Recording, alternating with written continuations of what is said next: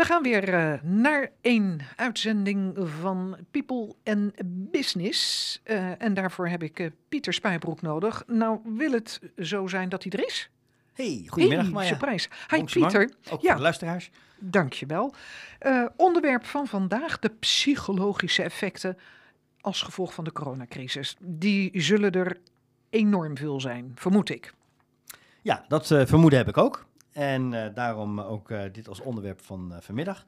zoals je weet, bij Coach Caribbean komen we heel veel mensen tegen die we interviewen en testen. En ja, wij merken als we met mensen praten dat daar toch wel wat effecten gerapporteerd worden ten aanzien van die, van die crisis. En ik denk dat we daar wat mee moeten met elkaar. Ja, en dan ga jij vertellen wat we daarmee moeten. Ja, nou ja, ten eerste, wat, uh, uh, wat wordt er zo'n beetje gerapporteerd? We zien uh, dat mensen toch zich wat onzekerder voelen. er wordt ook wel wat meer stress ervaren over wat er nu gaat gebeuren en hoe het nu verder moet. En ehm, sommige mensen die geven ook wel aan dat ze wat somberder zijn dan, dan een jaar geleden. En ja, dat is natuurlijk toch wel een beetje zorgelijk. En hoe kan je daar nou als werkgever op inspelen? Ja. Nou, ik denk dat een van de dingen die je in ieder geval niet moet doen, is om er niks mee te doen. Uh, want net zoals wij als ondernemers uh, uh, ons misschien zorgen maakten over de omzetten die we maakten, hebben de mensen ook zich heel veel zorgen gemaakt over heb ik nog wel een baan? Ja. Of uh, hoe lang gaat dit zo door? En het feit dat je thuis zit, wat misschien tot bepaalde spanningen heeft geleid. Dat gaat je allemaal niet in je koude kleren zitten. En waar vroeger nog een deel van de bevolking zich kon permitteren om op vakantie te gaan, is dat natuurlijk in de afgelopen anderhalf jaar ook sterk beperkt. Ja. Dus met andere woorden, we staan nu aan de vooravond van een nieuw seizoen. Uh, alleen de selectie is niet zo fit. Nee. En daar moeten we wat mee. Ja, maar, maar het, het geldt natuurlijk wel voor, voor iedereen. Uh, wat jij opnoemt, uh, we zitten allemaal in diezelfde crisis. En de een heeft qua werk wat meer geluk en de ander heeft qua thuissituatie wat meer geluk. Mm -hmm. Maar we hebben er allemaal moeite mee. Um, maar je hebt natuurlijk ook een grote groep mensen die, die, of een grote groep, maar er is een groep mensen die altijd een beetje lopen te, te miepen. Dus je moet dan ook wel een beetje het kaf van het koren scheiden, of moet je echt er serieus uh, op alle gevallen ingaan?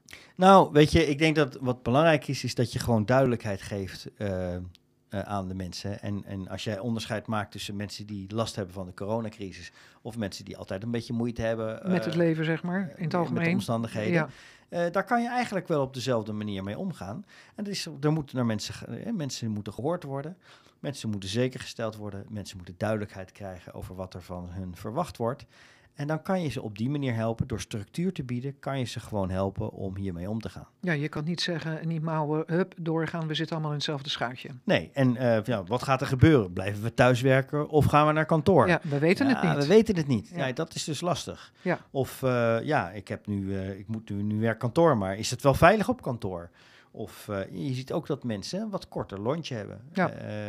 Je ziet, hè, mensen worden toch wat, wat sneller emotioneel. het, is al, het, het is net iets korter allemaal. Ja. En ik denk dat je als, als leidinggevende en als ondernemer er gewoon uh, uh, voor open moet staan om die mensen wat sneller te begeleiden of ook aan te spreken. Hm. En dat kan helpen. Duidelijkheid, uh, misschien in het ene geval de teugels laten vieren op het moment dat het kan. Maar in het andere geval juist de teugels wat verder aantrekken op het moment dat je ziet dat het niet gaat. Ja, ja want bijvoorbeeld uh, wat ik in mijn, in mijn uh, kennissenkring heb, dat je gezinnen die zeggen, nou ik vind het ideaal thuiswerken hè, met kinderen, want alles is nu wat flexibeler. En ander gezin zegt, we knet te gek met, het, met dat jong de hele dag op de achtergrond en Ja. ik kan niet werken. Dezelfde situatie bij wijze van spreken, maar twee hele tegenovergestelde invalshoeken. Ja, en dus is het van belang Ja. dat je als ondernemer goed luistert naar wat je hoort en wat je ziet. En Hm. daar dus misschien ook het gesprek in, eh, in aangaat. Het is niet alleen maar van wat het bedrijf nodig heeft, maar ook wat de mensen kunnen bieden. En hoe beter je dat afstemt, hoe beter het gaat. Ja. Kijk, we- we're in this together. We zitten samen in deze crisis, we moeten er samen uit.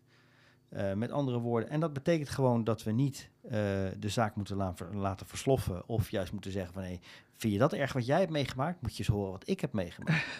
Eh, dat, dat helpt niet. Zo werkt het niet. Nee, zo werkt het niet. Nee. En ja, je bent nou eenmaal niet voor niks ondernemer. Je hebt ervoor gekozen. Dat betekent dat je ook je personeel moet managen. En in deze situatie betekent dat dat je misschien iets meer zorg en aandacht moet besteden aan de klachten die ze naar voren brengen. Ja, terwijl je ook niet als, als, als ondernemer, jij hebt ook de, eigenlijk op heel veel vragen de antwoorden niet. Want we weten niet hoe lang het duurt. We weten niet of er nog een lockdown wel of niet komt. Noem maar op. Exact. Dus het, het is heel moeilijk om een gesprek aan te gaan. Behalve kan je zeggen, ik begrijp het.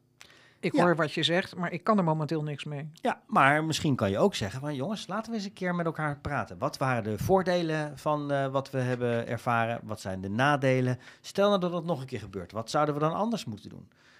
Sommige dingen kan je misschien niet doen, maar er zullen misschien ook wel een hoop tips eh, tussen zitten. Dat je denkt van, oh, oké, als ik nou de, de, ik zeg maar wat, de ploegendiensten zo aanpas, dan zou ik dus mensen kunnen helpen. Of eh, nou, deze mensen die willen heel graag juist op kantoor zijn.